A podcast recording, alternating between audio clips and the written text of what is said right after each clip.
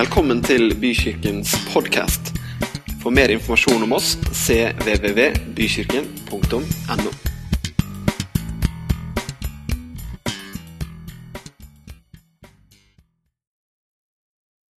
Jeg bare kjenner hvor takknemlig jeg er for denne menigheten min. Eh, Jeg har vært litt spent i dag. Jeg gleda meg til å skulle dele Guds ord. Jeg elsker å dele det ut, men allikevel er det trykk når man skal stelle seg fram. Men den velkomsten jeg fikk her i dag, jeg bare kjente Å, takk Gud! Det løfta meg skikkelig. Først var det varm klem fra Ole i døra. Og så kommer ut Karin inn med vann og spurte først om jeg ville ha kaffe eller vann. Og så får jeg sitte ned sammen med Frank og nydelig kona hans og bare kjenne bare roen kom. og så har jeg fått klemmer og lykkeønskninger, så jeg har bare lyst til å si Og der kommer vannet. Takk. da er det bra. så da skal vi gå Ja, så glemte jeg å si en ting til. Jeg bare kjørte inn her av min flotte, kjekke sønn som sitter rett ned her. Han er jo roheten selv, og det trengte mammaen hans i dag på vei inn. For i dag så går jeg så sterk som jeg er, som det heter, eller så svak som jeg er. Men jeg tror det skal gå bra. Jeg skal starte med å lese noen vers, og de som har lyst til å slå opp, kan det. Eller så tar jeg det bare selv her. Fra Markus, evangelium kapittel 4, og fra vers 35. Samme dag da, det var blitt kveld, sa han, altså Jesus, til dem, han sa til disiplene sine, la oss sette over til den andre siden av sjøen. Og de forlot folket og tok ham med seg i båten slik han var. Andre båter var også med han. Da kom det en voldsom kastevind. Bølgene slo inn i båten så den holdt på å fylles. Mens han selv lå og sov på en pute bak i båten. De vekker ham og sier, 'Mester, bryr du deg ikke om at vi går under?' Da reiser han seg, han truet vinden og sa til sjøen, 'Ti, vær stille.' Og vinden la seg, og det ble helt blikk stille. Så sa han til dem, 'Hvorfor er dere så redde?' Hvor eh, har dere ennå ikke tro?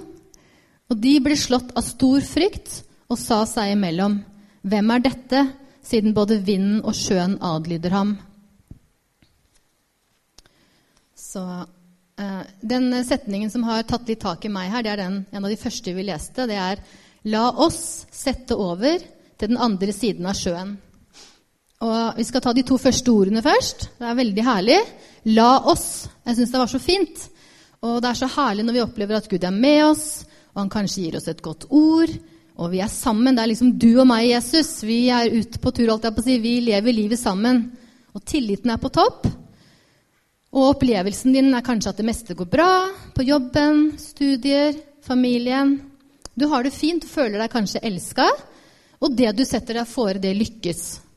Det er jo alltid småting som man kan tenke på, men i det store og det hele så går det bra. Sammen er vi sterke. Gud er god. Veldig herlig start. Og så skjer det noe, da, når vi setter over. det hender det kommer uventa ting som plutselig slår ned. Og her, fra vers 37, så kom det da en voldsom kastevind. Og det var en rasende storm, og en oversettelse sier at det var orkanstyrke. Så det var heftig.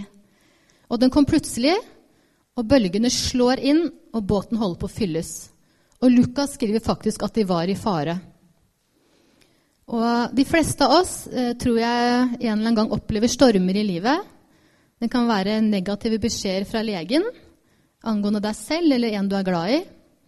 Det kan være økonomiske utfordringer. Det kan være uventa store regninger. Investeringer du har brukt mye energi på, som går tapt. Det kan være problemer på jobben. Utfordringer i relasjoner. Kanskje du har mista jobben. Kanskje ikke du kan jobbe. Du kan ha helseutfordringer, som jeg selv har hatt i noen år. og livet endrer seg. Eller du kan miste noen som du er glad i. Det kan være tøft. Og For disiplene så var det også alvor denne gangen. Vi leste at bølgene slo inn, og flere av de var faktisk ganske godt båtvante. Så jeg er sikker på at de visste hva de skulle gjøre, i hvert fall når det begynte å skje sånne ting. da. Så jeg bare ser for meg at de sant, står på, ordner opp, gjør alt de kan for å stoppe dette vannet. Og så er det noen som begynner å lure på da, Øy, hvor er det blitt av Jesus? Han eh, var jo med oss når vi dro ut. Så er det noen som sier at han ligger og sover bak i båten. Hæ? Sover han? Han som fikk oss ut i dette her, har han gått og lagt seg?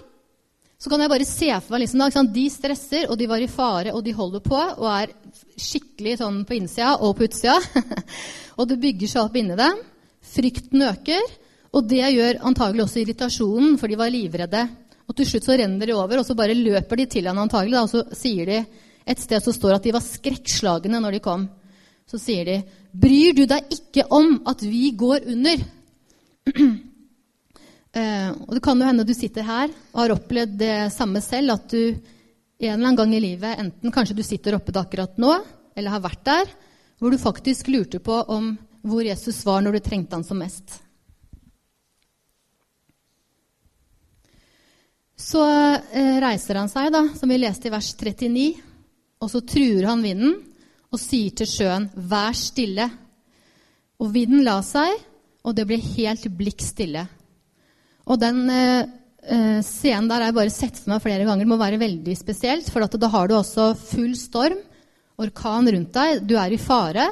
Så reiser han seg og truer de elementene, og så blir det helt blikk stille. Det var ikke liksom at det roa seg gradvis, det var bare helt sånn når du ser vannet ligge stille. Veldig mektig stillhet må det ha vært. Og Det er interessant at det uttrykket som blir brukt når han truer vinden og eh, sånn her, det er det samme som han bruker når han truer en ond ånd i en mann tidligere i Markus kapittel 1, hvor han befaler den å være stille og fare ut av mannen.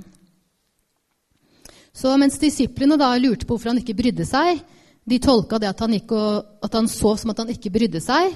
Men jeg tenker han kan jo ha vært trøtt. Det bør ikke ha vært noe verre enn det. Men deres erfaring og deres tolkning var at han bryr seg ikke. Han har liksom nå gått og lagt seg. Vi er for oss selv her.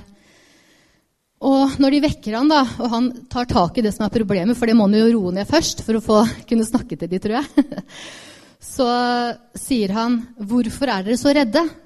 'Hva hendte med troen deres?' 'Hvor blei det av tilliten til meg?' Og det ligger ingen fordømmelse bak det. Det ligger mer en sånn greie på at 'Vet dere ikke hvem dere hadde med dere her i båten?' Jeg har jo makt over de tingene som dere var midt oppi og ikke hadde kontroll over.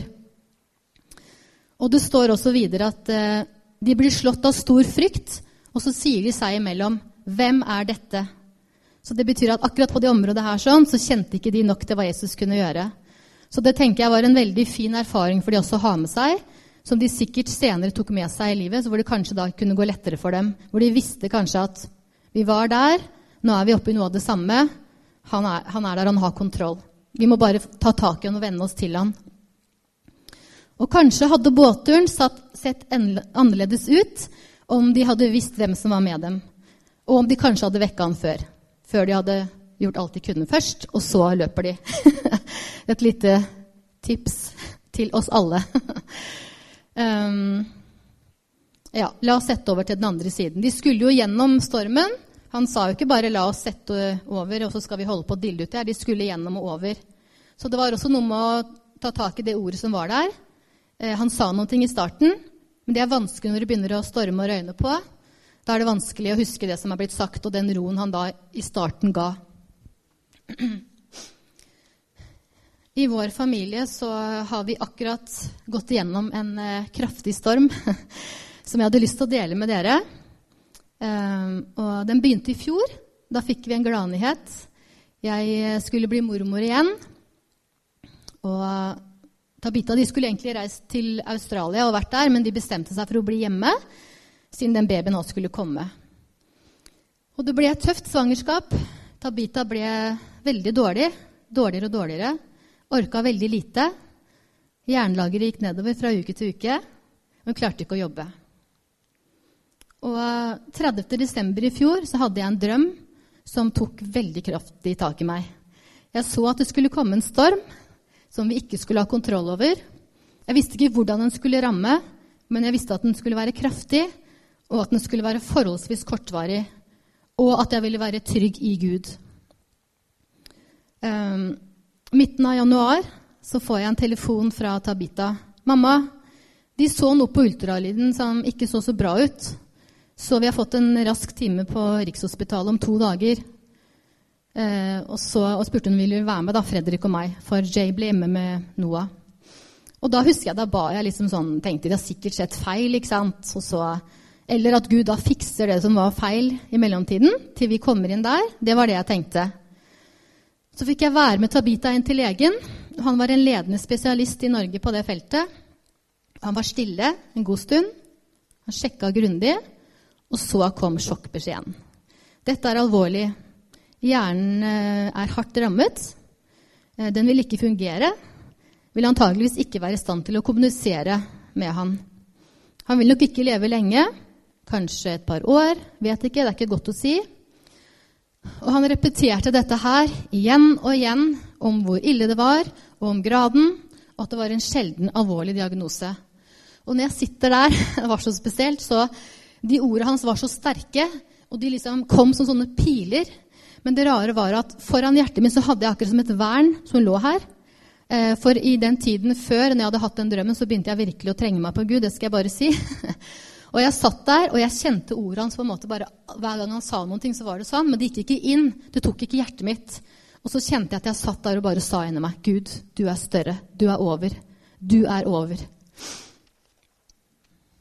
Og hun ble indirekte bedt om å ikke bære fram dette barnet. Og han sa også det er det de fleste velger å gjøre i en sånn alvorlig situasjon.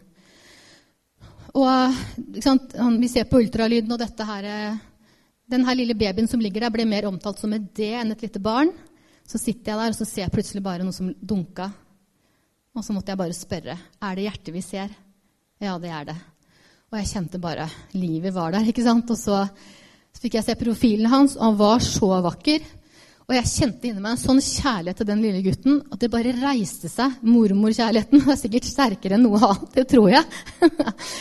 um, og ja, Så det var en spesiell stund. Uh, og midt i dette her da, så kommer det en lege til inn som skulle bekrefte alvoret så ikke vi skulle være i tvil. Vi var jo ikke i tvil i det hele tatt. Han hadde sagt det veldig klart.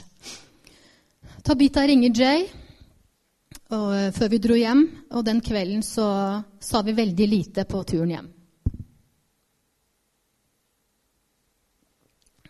Og det kommer sikkert noen tårer. Det håper jeg går bra.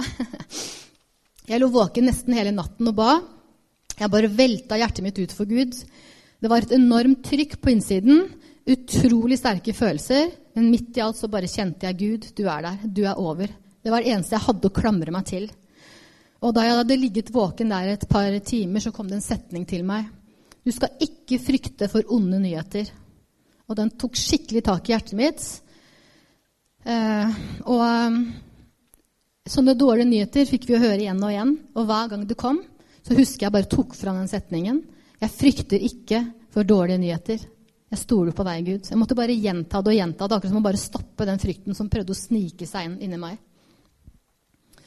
Um, og jeg var veldig spent da jeg gikk og la meg neste morgen, hvordan det ville være for uh, hvordan Tabita og Jay hadde det.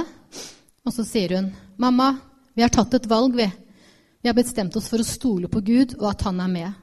Og at han vil gjøre gutten vår helt fin. Vi vil snu oss til han og fokusere på alt som er positivt. Og da Jay ba i går, så fikk han et navn som vi aldri har tenkt på.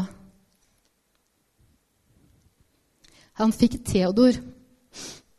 Og da han slo opp det, så betyr det Guds gave. Og jeg fikk frysninger. Nå har vi noe tale over han, mamma. Gud gir gode gaver, Theodor er en gave fra Gud til oss. Dagen etter så skulle Nikolai egentlig ha bursdag, og jeg tenkte kan vi feire bursdag midt oppi alt dette her? Jeg var helt sånn.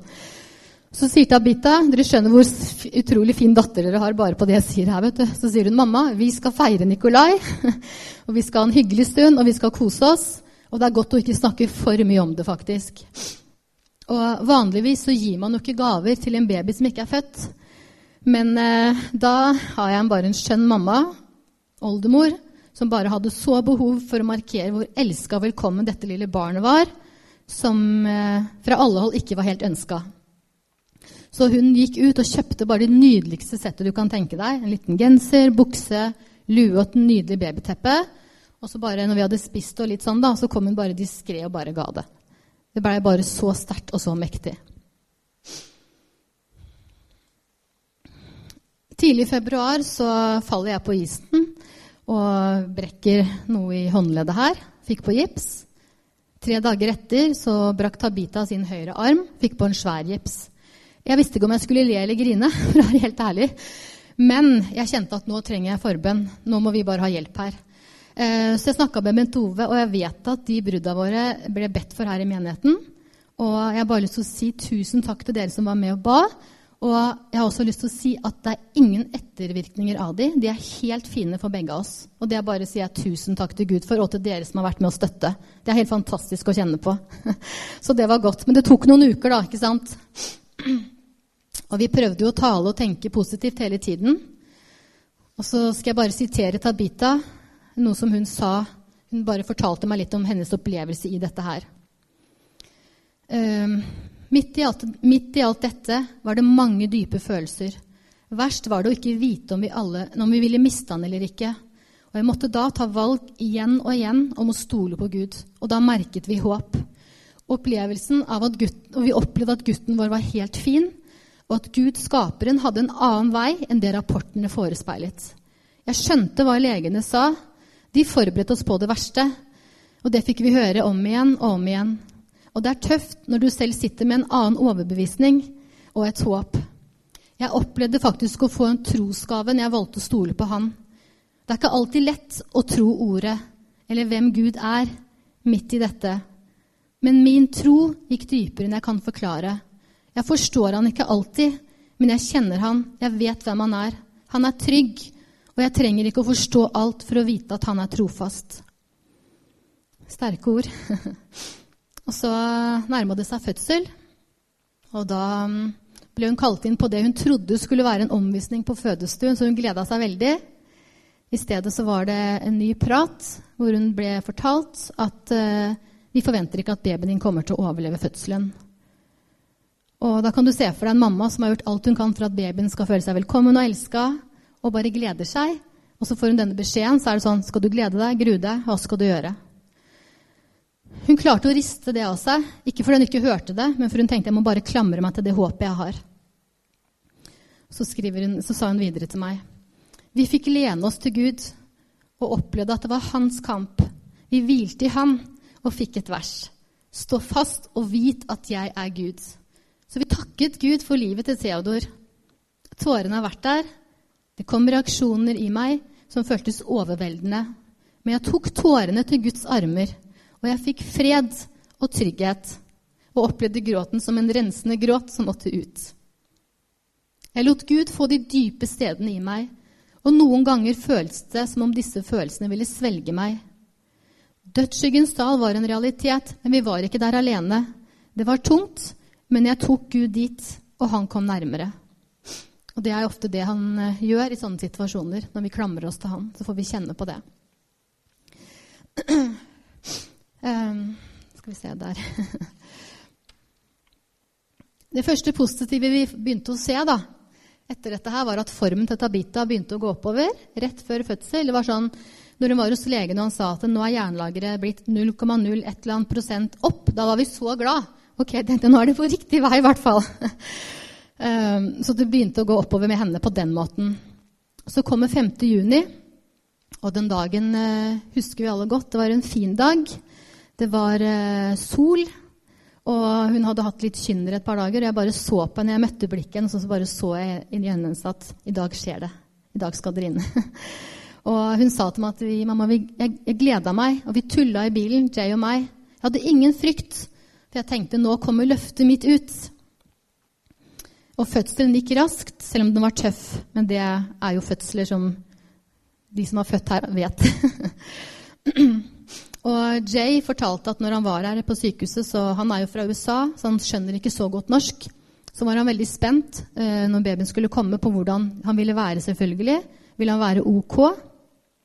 Og så sa han jeg så på legene og prøvde å se om de var bekymra eller redde. Men det virka, de virka greit, og det var en stor lettelse. Det hadde vært en intens tid. Og så sier han det at når jeg så inn i øynene til den lille gutten min for første gangen, så tenkte jeg at han var ok. Jeg følte vi hadde fått det vi hadde bedt om. Etter noen timer så ble babyen sendt på intensiven for sjekk. Han hadde jo en kraftig diagnose som de forholdt seg til, selvfølgelig. Så mange prøver ble tatt de neste dagene. Og vi var så glad for alt som fungerte. Ting som andre tar helt for gitt, Han bæsjer bra. Helt fantastisk. Han spiser veldig bra. Han hørte godt. Så hver lille ting som bare kom, så bare kryssa vi av og bare takka Gud. Det var bare så spesielt. Og de bodde hos oss eh, denne tiden før fødselen og etter. Og vi så to foreldre som bare overøste den lille babyen sin med kjærlighet og varme. Og vi opplevde han faktisk som helt fin når vi så på han. Han søkte kontakt med oss, og det var veldig spesielt. Um, så gikk det et par måneder, så skulle hun ha sin første besøk på helsestasjonen. Og eh, Hun ringte og fortalte meg dette som jeg nå skal si, og da husker jeg kjente inni meg at oi, da var det noe som slapp. Det var en virkelig god nyhet. For da skrev hun også, hun la det ut på Facebook, for noen visste litt om det, men hun hadde bevart det veldig for seg selv. Hun ville ikke snakke for mye om det, og det skjønner vi jo. Men denne dagen her så følte hun behov for å bare fortelle, så noen da som hadde fulgt med, kunne vite. Så skriver hun Vi var på Kaspiansjekk i dag, og de var virkelig forbløffet. Bortsett fra at han spiser godt, ligger han foran de på sin alder, både når det kommer til fysisk styrke og sin tilstedeværelse, som de kalte det. Han kommuniserer hele tiden. Han snakker og smiler og ler. Eh, helt fra starten har denne dyrebare gutten motbevist rapportene igjen og igjen. Kaspian, du er bare helt perfekt på alle måter.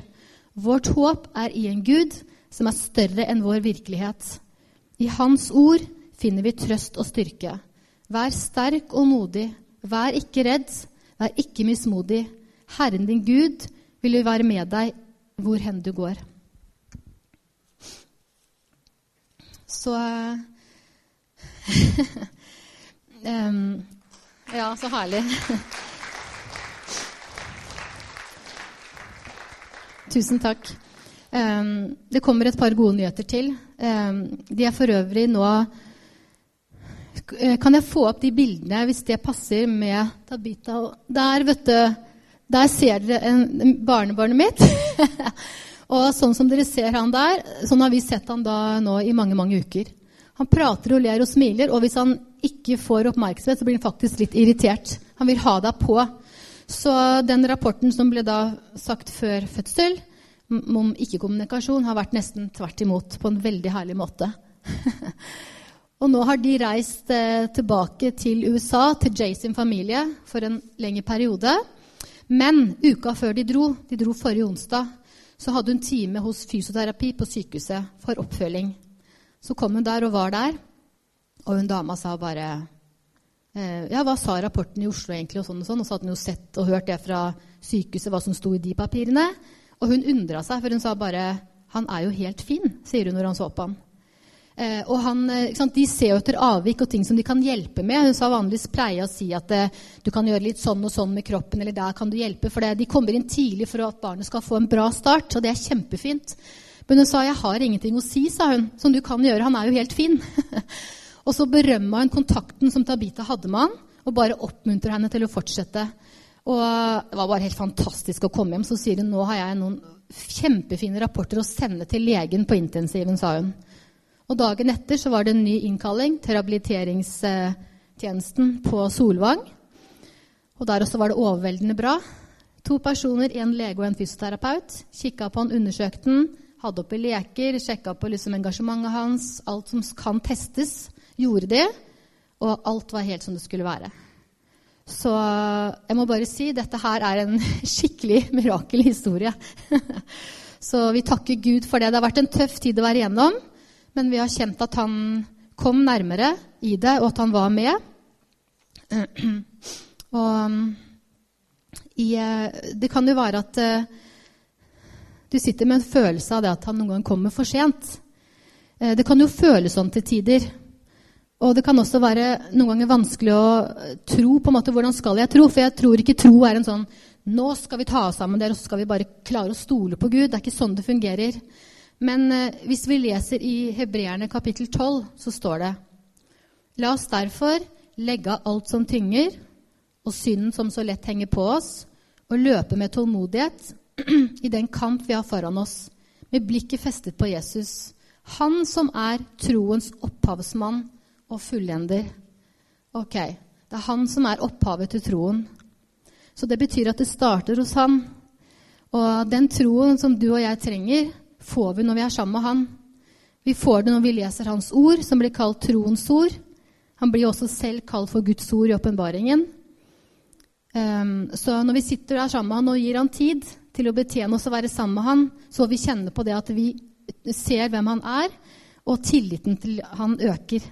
Og det vil også erfaringene med han i hverdagen gjøre. For hver erfaring vi ikke fikk det til, som han reiser oss opp og tar tak i oss og hjelper oss, så kan vi få en, noe nytt å ha med oss videre. Ja. Så jeg har lyst til å si til deg som eh, kanskje akkurat nå opplever at du er midt i en tøff situasjon, som du ikke vet utfallet av eller ikke har kontroll over. Det kan også være du sitter her som har tatt et steg i tro. Eh, det gjorde vi en gang. Vi solgte huset vårt før vi hadde et sted å bo. Vi tenkte at det klarer vi vel å kjøpe på de tre månedene vi hadde før vi skulle ut. Men det gjorde vi ikke. vi fikk et sted å leie, så ble det en litt annen vei. Men når man tar et steg og gjør noen ting som man ikke helt vet hvordan kommer til å ende, så kan det også være litt skummelt. For det er bare sånn, ikke sant? Vi vet her, men vi vet ikke hva skjer der. Hjelper Gud meg gjennom? Er han med? Sørger han for meg? Forsvinner han? Går han og legger seg? Nei, han gjør ikke det. han gjør ikke det. Men det er den følelsen vi kan ha. Og kanskje sitter du også her som har utfordringer som virker overveldende håpløst. Um, og da har jeg lyst til å si også at du er ikke alene. Du har en med deg som bryr deg, og som er mektig, og som vil føre deg gjennom til den andre siden. Og vi sang her at han har lovet å være med alle dager. Det betyr i gode, bra dager, dårlige dager, forferdelige dager. Det betyr i alt har han lovet å være med. Og tiden det tar fra vi setter over til vi kommer til den andre siden, det varierer veldig. Det kan være dager eller år. Og graden av styrken på stormen som vi opplever, eller utfordringene, kan også variere. Og stormene i livet er reelle. Men ikke la fienden ett øyeblikk få deg til å tro at Gud har glemt deg, og at du kjemper alene. For han er faktisk ved din side, og han har gitt livet sitt for deg fordi han elsker deg. Eh, det er jo sånn Når du ser filmer, vet du, så Eh, eh, de tar f.eks. barn bort fra foreldrene da, når det er noen fæle folk som gjør det, så hvordan de prøver å liksom syke de barna eller de som de fjerner fra familien sin, så er det å få dem til å tro at moren din bryr seg ikke om deg. vet du. Da hadde ikke du vært her. Og så på en måte peprer de hodet deres fullt og prøver å få dem til å liksom bare se at du er jo ikke elska, du. Ingen som bryr seg. Nå har jo du havna på dette stedet. Så mister man motet, og så på en måte detter håpet ned igjen. forsvinner det på en måte, Så gir de opp lysten til å kjempe. Men det må du ikke tenke, for Gud er virkelig reell, og han er med deg. Og så har jeg også lyst til å si til slutt at eh, det er ikke alltid utfallet blir sånn som vi håper. Eh, denne historien her jo, hadde jo en fin slutt, i hvert fall sånn som det ser ut til nå. Men eh, det kan oppleves vondt når ikke vi forstår alle ting, og ikke det går sånn som vi tenkte. Der har jeg selv en erfaring. Jeg var i en sykkelulykke for tolv år siden som har gitt meg store helsebegrensninger. Jeg har hatt daglige smerter i mange år og opplevd flere tap i livet. Og jeg har bedt mange ganger om helbredelse. og det er først nå den siste måneden at jeg kan si at jeg opplever noe bedring som jeg er veldig, veldig glad for. Og jeg vet ikke hvorfor det ikke har skjedd før. Jeg vet ikke hvorfor det tar tid. Men det jeg vet, er at Gud er god, og at han er for meg. og um, når jeg ser han en dag ansikt til ansikt, så skal jeg spørre han. Kanskje over en god kopp kaffe og en uh, god sjokoladebit, hvis de har det der. For det er jeg veldig glad i. og så skal jeg få, noen, uh, få sett bildet på en litt annen måte enn jeg kanskje så selv her nede. 5. Mosebok uh, 29-29 sier 'Det skjulte hører Herren til'.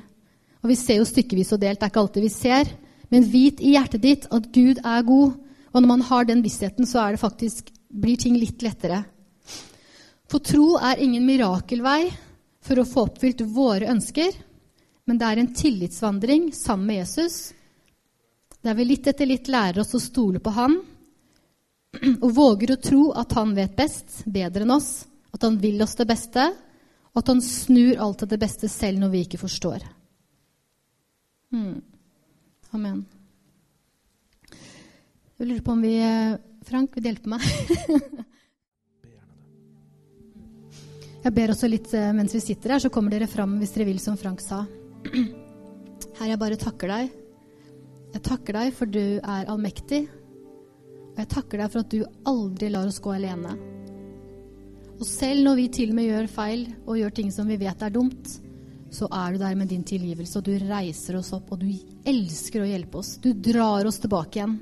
Så det er ingen fordømmelse hos deg. Du bare sier 'kom, kom til meg'. Så tar du hånda vår, og så løfter du oss opp. Jeg bare takker deg, far, at du skal bare la dine mektige, gode ord få lov til å virke i oss i våre hjerter, Herre, og bli til styrke i tida framover. Enten om vi er midt i en storm, eller om vi har kommet gjennom den og kanskje kommer igjen, eller kan hjelpe andre. Så jeg bare takker deg at du velsigner alle som har vært her, og bare lar de få kjenne at du er glad i dem, Herre.